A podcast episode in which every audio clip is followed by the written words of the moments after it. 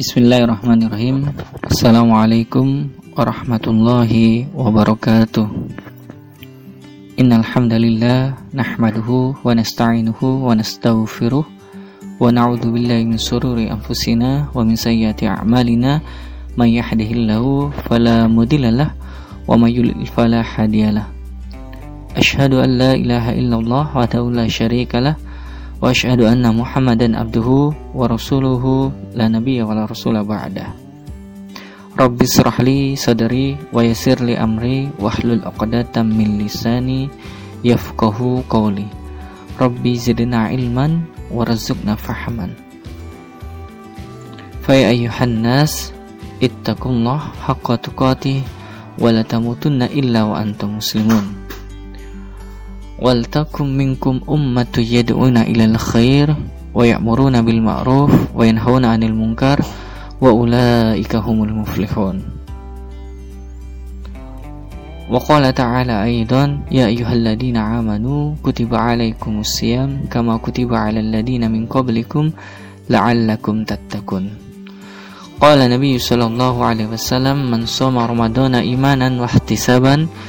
ramadhana imanan wa ihtisaban gufira lahu ma taqaddama min danbi. Alhamdulillah segala puji hanya pantas ditujukan kepada Allah Subhanahu wa taala yang telah menciptakan langit dan bumi beserta seluruh isinya. Dialah Allah yang menciptakan surga dan neraka termasuk menentukan siapa saja dari hambanya yang pantas berada di dalamnya. Allah yang telah menciptakan kita sebagai manusia dengan banyak kenikmatan yang melekat pada diri kita. Dan sepantasnya kita malu kepada Allah jika nikmat-nikmat yang tadi diberikan oleh Allah tidak digunakan untuk berbuat kebaikan. Salawat dan salam semoga tercurahkan kepada baginda Muhammad SAW beserta keluarga dan para sahabatnya yang telah membawa dan mengenalkan Islam pada banyak manusia sehingga banyak orang yang terselamatkan dari jalan yang sesat menuju jalan kebenaran untuk senantiasa menyembah hanya kepada Allah Subhanahu wa taala. Begitu agung dan mulia kepribadian serta kepemimpinan Rasulullah Shallallahu alaihi wasallam ini serta pengaruhnya pada kehidupan manusia sehingga banyak manusia bahkan malaikat Allah juga memuji dan bersalawat kepadanya. Allah Subhanahu wa taala berfirman yang berbunyi A'udzu billahi minasyaitonir rajim Innallaha wa malaikatahu yusalluna 'alan nabi. Ya ayyuhalladzina amanu sallu 'alaihi wa sallimu taslima. Sesungguhnya Allah dan malaikat-malaikatnya bersolawat untuk Nabi. Hai orang-orang yang beriman Bersolawatlah kamu kepada Nabi Dan ucapkanlah salam penghormatan kepadanya. Quran Surat Al-Ahzab ayat 56 Semoga kelak kita mendapatkan syafaat dari Rasulullah Sallallahu Alaihi Wasallam.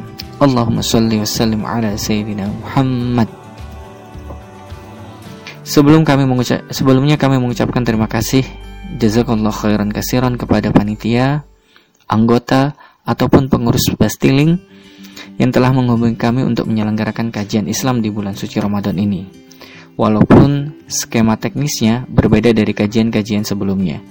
Jika sebelumnya kita bisa bertatap muka secara langsung, namun sekarang skemanya dibuat secara online karena mungkin alasan utamanya adalah untuk keselamatan kita bersama.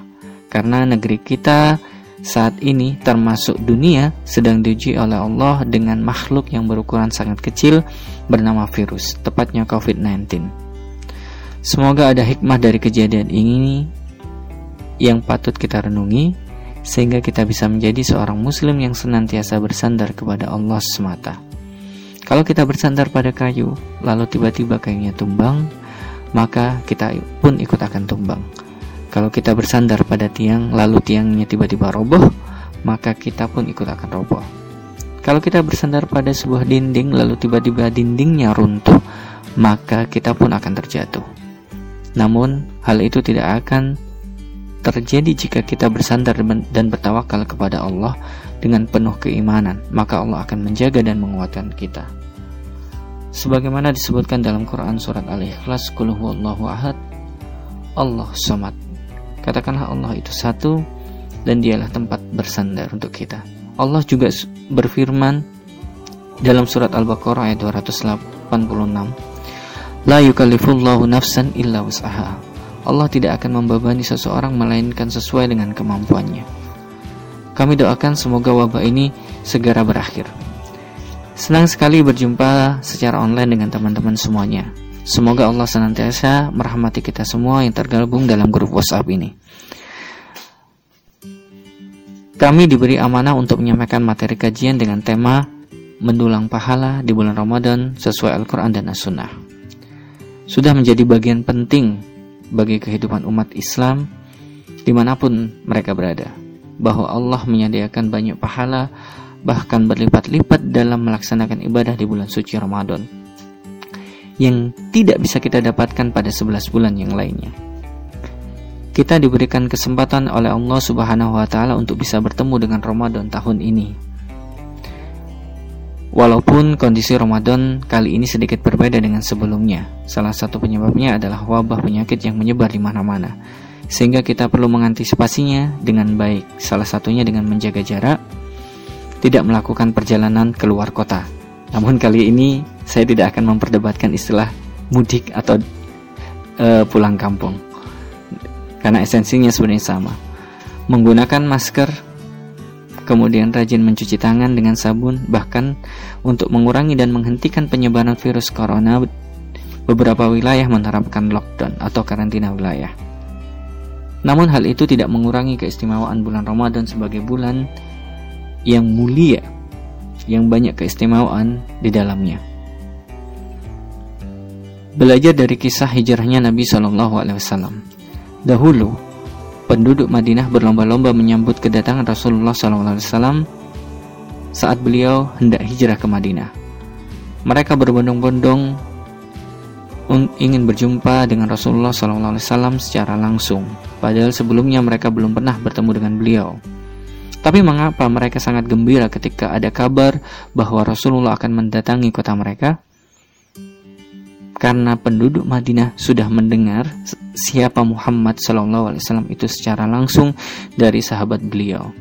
Sahabat beliau begitu cerdas menceritakan sosok Nabi sebagai kekasih Allah dan juga utusan Allah sehingga penduduk Madinah mulai jatuh cinta dengan Nabi sekalipun mereka belum pernah melihat Nabi secara langsung.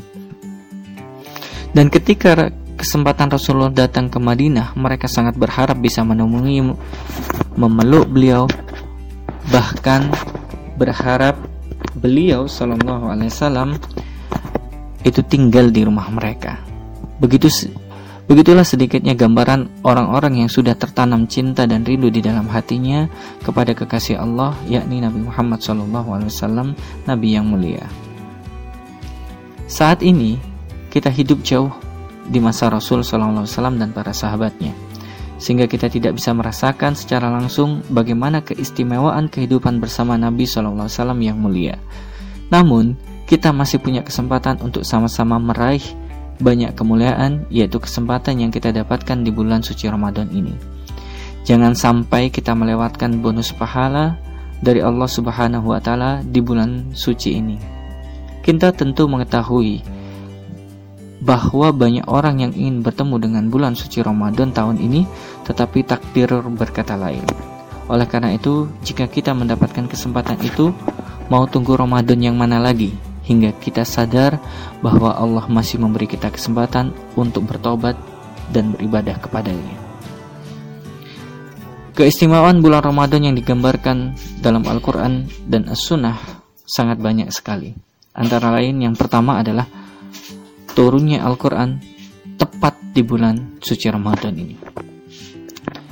Al-Quran adalah kitab yang suci yang berisi petunjuk bagi orang-orang yang bertakwa. Kitab yang mengandung banyak kemuliaan jika dibaca dan diamalkan. Apalagi jika dijadikan pedoman hidup bagi orang-orang yang beriman. Kitab mulia ini juga diturunkan tepat pada bulan yang mulia yaitu bulan Ramadan. Allah Subhanahu wa taala berfirman yang artinya bulan Ramadan adalah bulan yang di dalamnya diturunkan Al-Qur'an sebagai petunjuk bagi manusia dan penjelasan-penjelasan petunjuk tersebut serta menjadi pembeda antara yang benar dan yang batil. Quran surat Al-Baqarah ayat 185. Para ulama kita terdahulu juga telah memberi teladan dalam hal ini. Mereka sangat memperhatikan kitabullah saat Ramadan. Misalnya Utsman bin Affan radhiyallahu anhu. Pada bulan Ramadan, beliau menghatamkan Al-Quran itu sehari satu kali. Sebagian ulama salaf yang lain menghatamkan pada saat menjalankan kiam Ramadan atau salat malam setiap tiga hari sekali.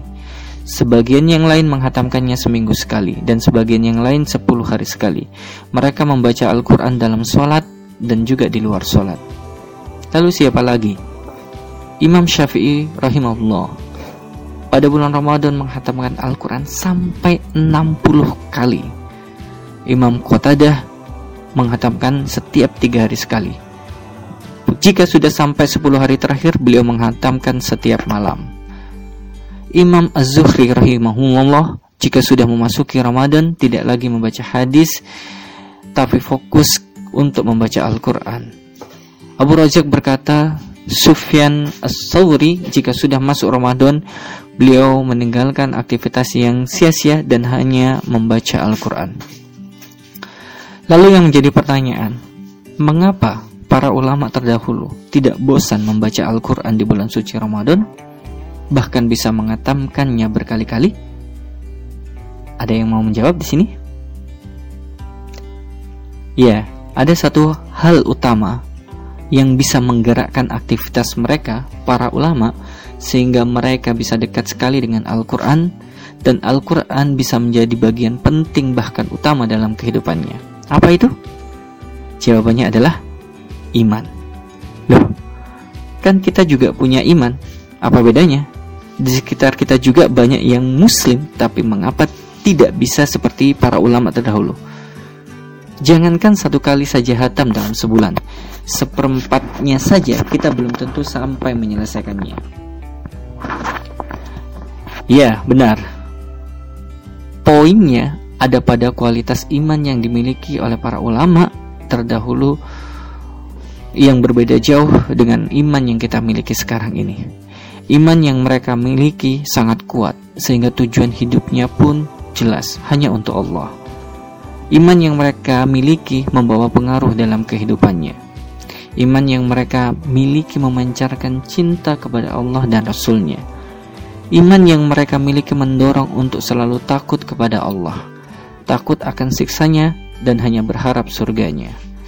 Iman yang mereka miliki membuat dunia tampak kecil dibandingkan dengan akhirat. Sedangkan iman kita bagaimana? Sudahkah iman kita membuat kita takut kepada Allah? Belum. Sudahkah iman kita mendorong kita untuk taat pada aturan syariat Allah? Juga belum. Sudahkah iman kita membuat dunia menjadi tampak kecil dibandingkan dengan akhirat? Juga belum. Sudahkah iman kita mendorong agar kita tidak bermaksiat kepada Allah? Juga belum. Semoga Allah mengampuni dosa-dosa kita dan orang tua kita. Ya Allah, ya Rob, jadikan hati kami contong pada kebaikan dan jadikan kami orang-orang yang beriman dan mencintai Al-Quran. Orang-orang yang hatinya sudah memiliki rasa cinta pada Al-Quran, maka ia akan berusaha untuk dekat dengan Al-Quran. Ia akan mencurahkan waktu dan tenaganya untuk membaca, untuk menghafal, dan mempelajari serta mengamalkan isi Al-Quran tersebut. Rasulullah Wasallam bersabda, "Khairukum man ta'allama al-Quran wa 'allamahu." Yang artinya, sebaik-baik kalian adalah orang yang mempelajari Al-Quran sekaligus mengamalkannya. Orang yang mencintai Al-Quran, orang yang sudah punya rasa dekat dan rindu dengan Al-Quran, tentu berbeda dengan orang yang jauh dengan Al-Quran. Jika orang tersebut tidak memiliki rasa cinta dan dekat dengan Al-Quran, maka kehidupannya besar kemungkinan akan jauh dari Al-Quran. Jangankan untuk menghafal dan mempelajari Al-Quran, membacanya saja juga tidak dilakukan. Al-Quran hanya menjadi penghias dalam rumahnya tanpa dibuka dan dipelajari. Ia hanya akan disibukkan untuk mencari dunia, mengenyangkan isi perutnya saja. Bahkan perilakunya akan jauh dari nilai-nilai Al-Quran. Ma'udzubillahi min dalik. Di era milenial ini, sudah banyak orang yang menggunakan kecanggihan teknologi khususnya handphone. Dulu, seusia kita mungkin baru mengenal HP saat masa-masa SMA dan itu pun bukan smartphone seperti saat ini. HP yang dulu mempunyai keterbatasan fungsi atau fitur yang ada di dalamnya. Namun sekarang, jangankan anak SMA, anak balita saja sekarang sudah bisa memegang dan mengoperasikan smartphone. Salah satu fitur andalan adalah kamera yang ada di dalamnya, yang bisa menangkap gambar dan membuat video lalu menyimpannya dalam galeri. Bagi, bagi kalangan milenial, jika ada momen unik, kemungkinan besar mereka akan mengabadikannya melalui kamera HP-nya agar bisa dilihat sewaktu-waktu atau mengunggahnya ke sosial media. Misalkan, jika mereka berkunjung ke sebuah tempat yang indah, mereka akan mengambil foto lalu upload. Seandainya mereka sedang makan enak, apa yang mereka lakukan? Foto lalu upload. Seandainya mereka lagi asik nongkrong bersama temannya, apa yang mereka lakukan?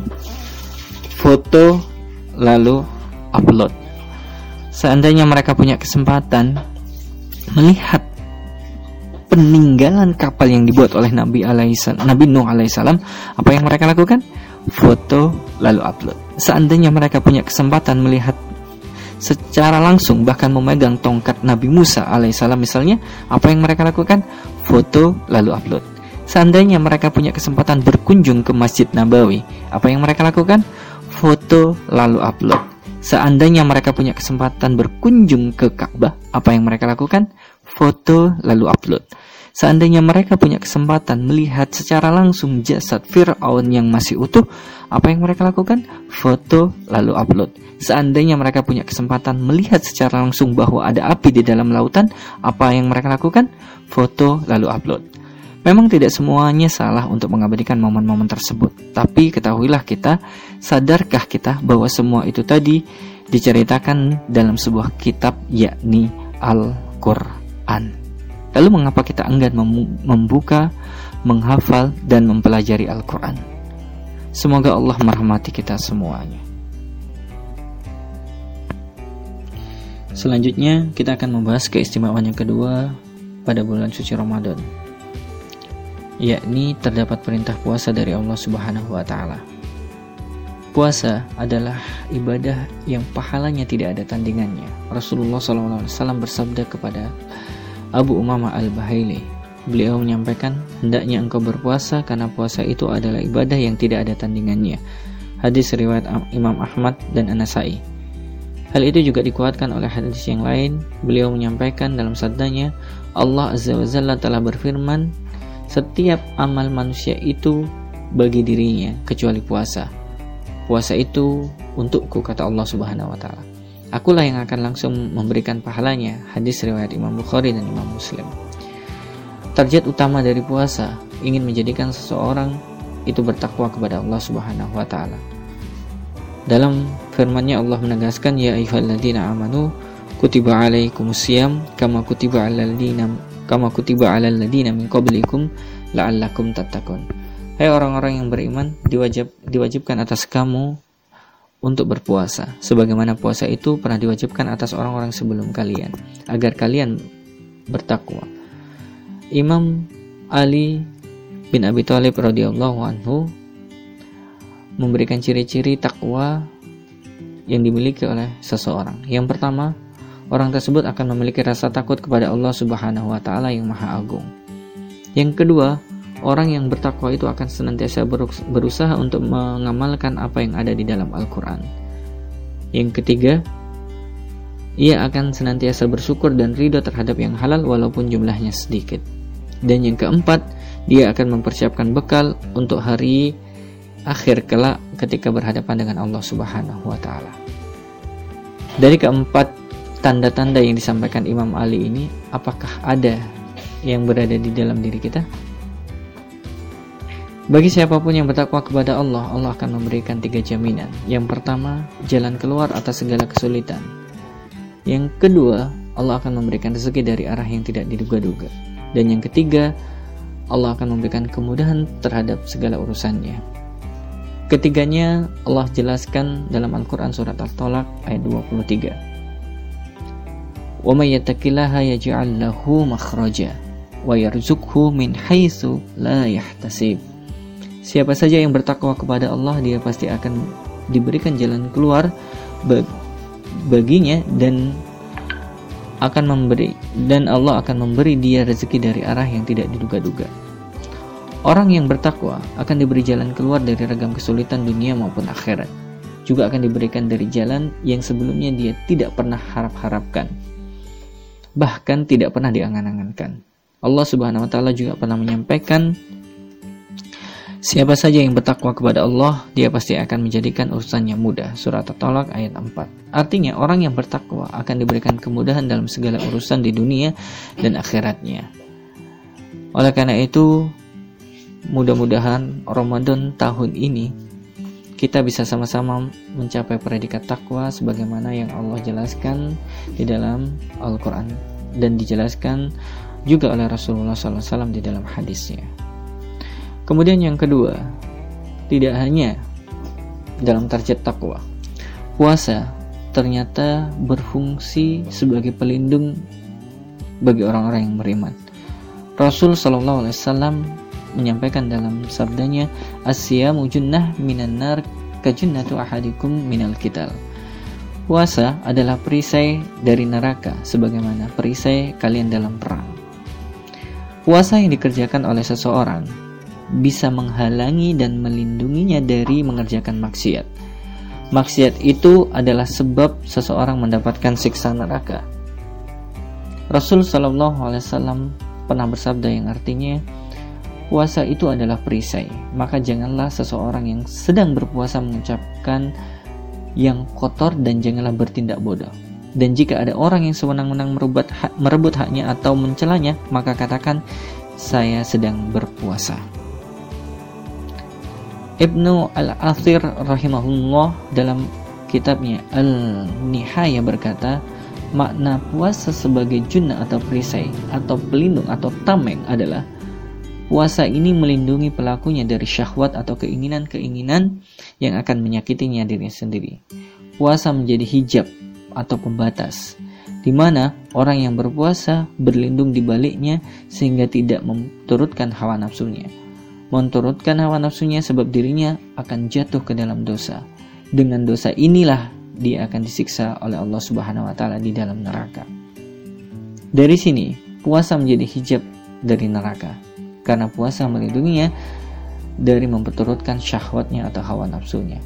Abu Hurairah radhiyallahu anhu pernah menyampaikan Rasulullah SAW bersabda, neraka diliputi oleh syahwat kesenangan-senangan sedangkan surga diliputi oleh sesuatu yang menghi yang dibenci. Hadis mutafaq alaih. Meninggalkan maksiat ketika sedang berpuasa. Puasa itu bukan hanya meninggalkan apa yang akan kita makan maupun yang kita minum. Namun lebih dari itu agar orang-orang berpuasa itu meninggalkan perbuatan-perbuatan yang diharamkan dan tidak berguna. Sesungguhnya tidak akan sempurna takarrub seseorang kepada Allah Subhanahu wa taala dengan puasa yang ia meninggalkan perkara-perkara mudah di luar puasa kecuali setelah ia meninggalkan perkara-perkara haram kapan dan di mana pun seperti dusta, sumpah palsu, berkata seronok dan jorok, mencaci maki, menggunjing, menipu, berbuat curang, menzolimi, menzolimi orang lain, adu mulut, berkelahi, dan perbuatan buruk yang lainnya. Rasul Shallallahu Alaihi Wasallam menyampaikan barang siapa tidak meninggalkan perkataan dusta dan mengerjakan sesuatu serta berlaku bodoh, maka Allah tidak butuh kepada ia meninggalkan makan dan minumannya. Sabda yang lain Rasulullah SAW menyampaikan kam min saimin laisalahu min siami ilai ilal wal atas. Betapa banyak orang yang berpuasa ia tidak akan mendapatkan pahala dari puasanya kecuali hanya lapar dan dahaga saja. Bagi orang yang berpuasa, itu dituntut untuk menjaga puasanya. Bagaimana caranya? Ia harus memaksakan dirinya untuk berbuat amal solih dan berakhlak yang baik, serta menjauhi maksiat dan akhlak yang buruk. Dengan ini, ia akan memetik buah yang manis dan memperoleh ampunan dari Allah Subhanahu wa taala. Keistimewaan yang ketiga pada bulan suci Ramadan adalah pahala kebaikan yang Allah akan lipat gandakan bagi seseorang yang mengerjakannya. Contoh sederhana seperti ini misalnya.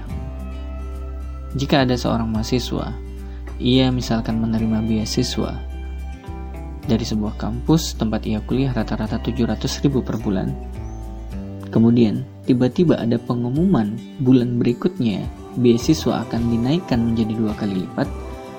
Kira-kira mahasiswa, mahasiswa tersebut senang nggak ya? Pasti senang.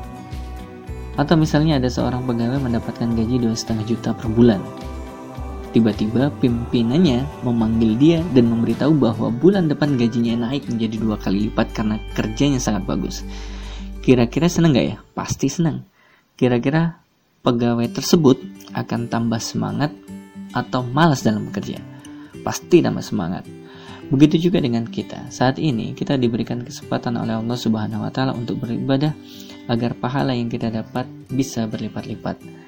Hal ini disampaikan oleh Allah oleh Rasulullah SAW dalam sabdanya yang artinya seluruh amalan kebaikan manusia akan dilipat gandakan menjadi 10 sampai 700 kali lipat. Hadis riwayat Imam Al-Bukhari dan Imam Muslim. Coba bayangkan, sedikit berbuat tapi banyak pahala yang didapat. Pahala kebaikan dilipat gandakan 10 sampai 700 kali lipat yang tidak bisa kita dapatkan di bulan-bulan yang lainnya. Kalau kesempatan di bulan Ramadan ini tidak kita maksimalkan, butuh berapa banyak Ramadan lagi agar kita bisa berubah menjadi lebih baik. Life is choice. Life is choice. Hidup kita adalah pilihan kita sendiri. Kalau kita tidak bergerak untuk kebaikan, maka orang lain akan mendahului kebaikan-kebaikan yang kita lakukan. Dan yang keempat, keistimewaan yang ada pada bulan suci Ramadan ini adalah bulan ini dipenuhi dengan ampunan oleh Allah Subhanahu wa taala. Rasul sallallahu alaihi wasallam menggambarkan dalam hadis salat lima waktu antara salat Jumat ke salat Jumat dan Ramadan ke Ramadan itu adalah penghapus dosa di antara keduanya jika dijauhi dosa-dosa yang besar. Rasul juga menyampaikan di sabda yang lain, "Man shoma Ramadana imanan wa ihtisaban, ghufira lahu ma taqaddama min bih." Hadis riwayat Imam Bukhari dan Imam Muslim. Siapa saja yang berpuasa Ramadan imanan wahtisaban dengan keimanan dan hanya mengharap kepada Allah pahalanya, maka ia akan diampuni dosa-dosanya yang telah lalu. Sabda yang lain, Rasul juga pernah bersabda, Barang siapa yang menunaikan sholat malam di bulan Ramadan imanan wa ihtisaban ghufirallahu ma taqaddama min dhanbih. Maka dia juga akan diampuni dosa-dosanya yang ia telah perbuat yang sebelum-sebelumnya. Ini menjadi sebuah gambaran bagi kita bahwa ternyata Allah itu terlalu baik pada hambanya. Hanya saja kita tidak sadar untuk membuka hati untuk memilih jalan kebaikan itu sendiri.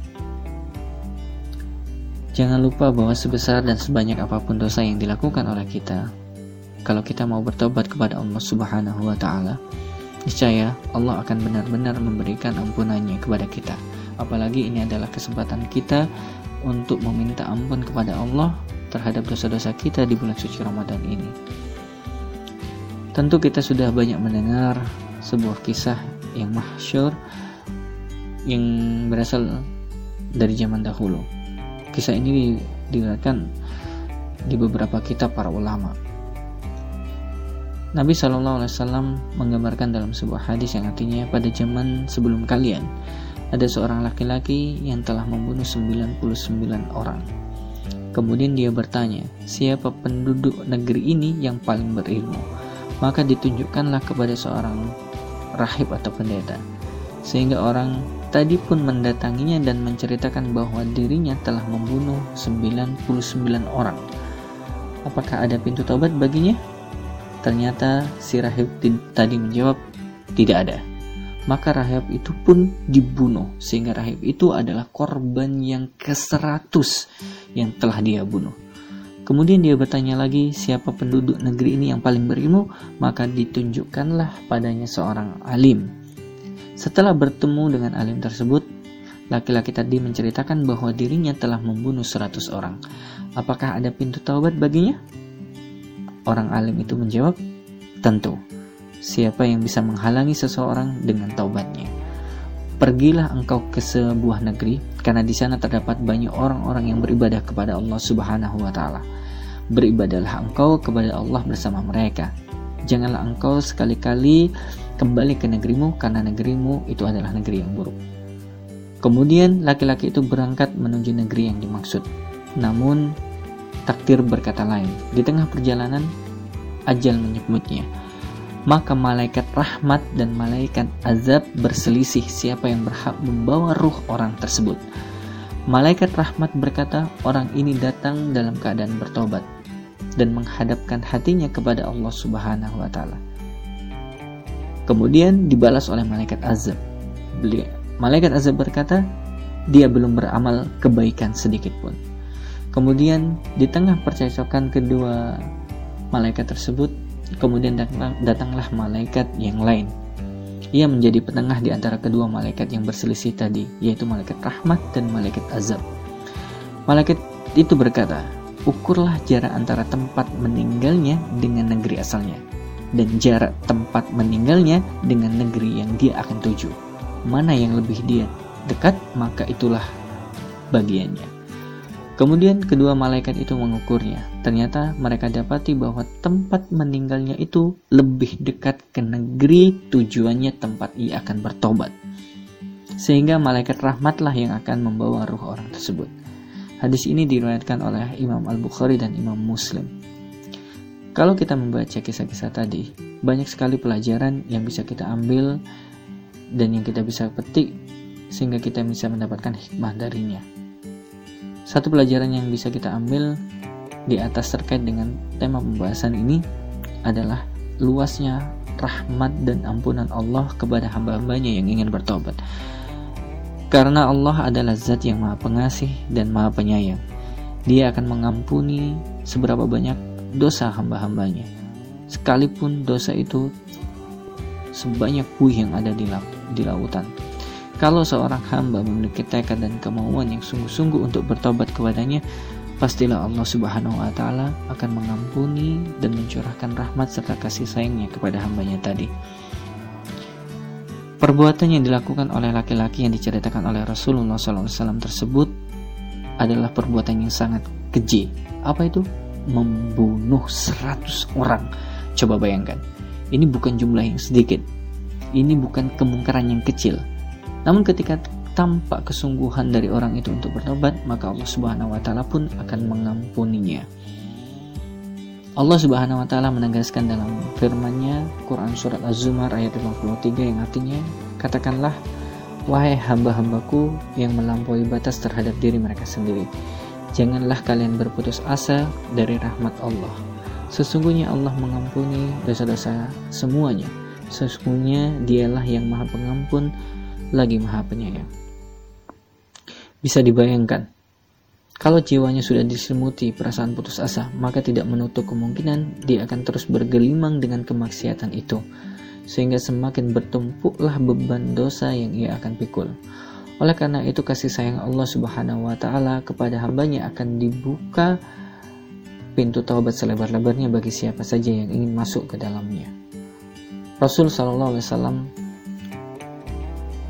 pernah menyampaikan dalam sebuah hadis kutsi Allah Subhanahu Wa Taala berfirman wahai hamba-hambaku sesungguhnya kalian banyak berbuat kesalahan baik dilakukan di malam hari maupun di siang hari dan aku akan mengampuni dosa-dosa semuanya. Maka mintalah ampun kepadaku niscaya aku akan ampuni dosa-dosa kalian. Hal ini menunjukkan bahwa orang-orang yang beriman itu pasti pernah dan bahkan sering itu berbuat dosa. Setiap saat ada kesalahan yang diperbuatnya, maka selayaknya dia harus bertobat kepada Allah Subhanahu wa taala. Oleh karena itu, perintah Allah Subhanahu wa taala dalam beberapa ayat tadi itu berlaku untuk terus-menerus. Setiap waktu seorang mukmin harus banyak bertobat kepada Allah Subhanahu wa taala dengan taubatan yang nasuha, sungguh-sungguh penuh keyakinan dan dia akan tidak akan mengulangi kesalahan-kesalahan yang sama. Semoga Allah Subhanahu wa taala memberikan kita kesempatan untuk mendapatkan surganya dan mengampuni dosa-dosa yang kita lakukan selama ini. Semoga bulan Ramadan ini menjadikan, menjadikan kita orang-orang senantiasa orang yang senantiasa bertobat kepada Allah Subhanahu wa taala. Itu tadi beberapa keistimewaan yang bisa kami bahas pada kesempatan hal ini. Karena kalau disebutkan satu persatu banyak sekali keistimewaan dan kemuliaan bulan Ramadan untuk kita sebagai orang-orang yang mengaku beriman kepada Allah Subhanahu wa taala. Kembali ke topik tema yang ingin dibahas bahwa bagaimana caranya kita agar bisa mudah melaksanakan banyaknya ibadah yang mulia di bulan Ramadan sehingga kita banyak mendulang pahala yang bisa menjadi bekal ketika menghadapi Allah nanti. Ada beberapa poin yang ingin kami bahas. Yang pertama adalah kuatkan iman kita. Jangan lupa, kita terikat perjanjian dengan Allah Subhanahu wa taala. Sebelum manusia lahir ke dunia, yakni ketika masih berada di alam gaib dan alam arwah, Allah telah membuat kontrak perjanjian dengan kita. Kontrak itu adalah kontrak tauhid. Allah Subhanahu wa taala berfirman, dan ingatlah ketika Tuhan mau mengeluarkan keturunan anak-anak Adam dari sulbi mereka dan Allah mengambil kesaksian terhadap jiwa mereka seraya berfirman, "Bukankah aku ini Tuhanmu?" Mereka menjawab, "Betul." Engkau adalah Tuhan kami. Kami menjadi saksi.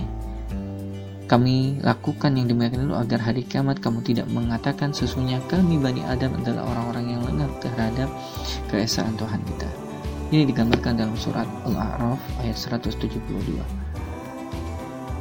Kontrak perjanjian ini adalah menjadi pengingat bagi manusia bahwa kita itu diciptakan oleh Allah Subhanahu wa taala dan kita berikrar untuk menjadi orang yang beriman kepada Allah Subhanahu wa taala. Dan wujud dari keimanan kita ini harus teraplikasikan dalam kehidupan yang nyata. Salah satunya adalah beribadah kepada Allah Subhanahu wa taala.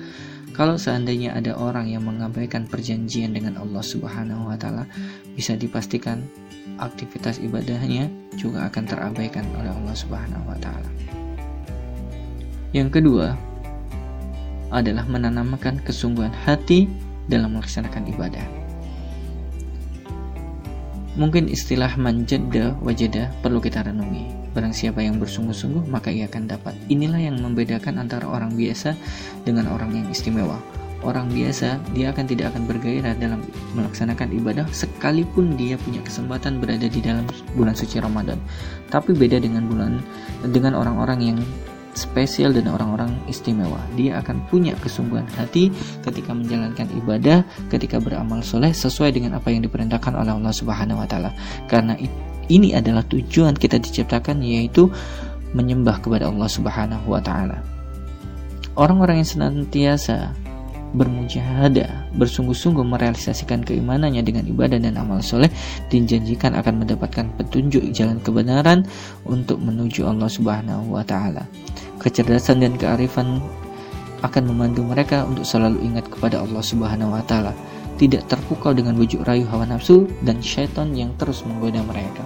Ketika dia ada ajakan untuk bermaksiat, ada peluang untuk melakukan maksiat, mereka selalu ingat kepada Allah, mereka takut kepada Allah, kemudian bersungguh-sungguh untuk meninggalkan maksiat tersebut, kemudian bersungguh-sungguh untuk memperbaiki kualitas ibadahnya sehingga ia akan menjadi orang yang terjaga, terjaga dari segala bentuk kesalahan termasuk maksiat-maksiat yang ada di sekelilingnya. Syekh Abu Ali Ad-Daqa radhiyallahu an mengatakan barang siapa menghiasi lahiriahnya dengan mujahadah dengan kesungguhan hati Allah akan memperindah rahasia batinnya melalui musyahadah ini yang penting yang harus kita dapat pahami. Setiap manusia itu memiliki peluang untuk bermaksiat. Hanya saja perbedaannya adalah ia bisa mengendalikan maksiat tersebut atau tidak. Yang pertama masih ingat yakni kita harus menguatkan keimanan kita dan ingat bahwa kita punya janji untuk selalu beriman dan menyembah kepada Allah Subhanahu wa taala. Yang kedua, kita harus bersungguh-sungguh agar aktivitas kita itu berbeda dengan orang-orang yang biasa, termasuk dalam hal ibadah. Dan yang ketiga, jangan bosan-bosan untuk introspeksi diri kita masing-masing. Hisaplah diri kita sebelum kita akan dihisap oleh Allah Subhanahu wa taala. Hitunglah amal kita sesuai apakah sudah cukup untuk meraih surganya Allah atau justru amal kita itu lebih sedikit dibandingkan dosa-dosa kita. Manusia beruntung adalah manusia yang tahu diri, yang selalu mempersiapkan diri untuk kehidupannya kelak, yang abadi di yaumul akhir kelak. Dengan melaksanakan dengan instruksi, maka bisa diharapkan manusia itu akan terus memperbaiki dirinya baik dari segi bicara maupun perilakunya. Waktu adalah modal utama baginya untuk senantiasa mengevaluasi amal yang, yang telah ia lakukan. Apabila waktu tersebut tidak digunakan dengan baik, maka waktu itu akan terus berlalu. Banyak sekali hadis dari Nabi Shallallahu Alaihi Wasallam yang memperingatkan manusia agar mempergunakan waktu dengan sebaik-baiknya. Salah satunya hadis yakni adalah hadis yang diriwayatkan Imam Bukhari yang artinya dua nikmat yang sering disia-siakan adalah kesehatan dan kesempatan.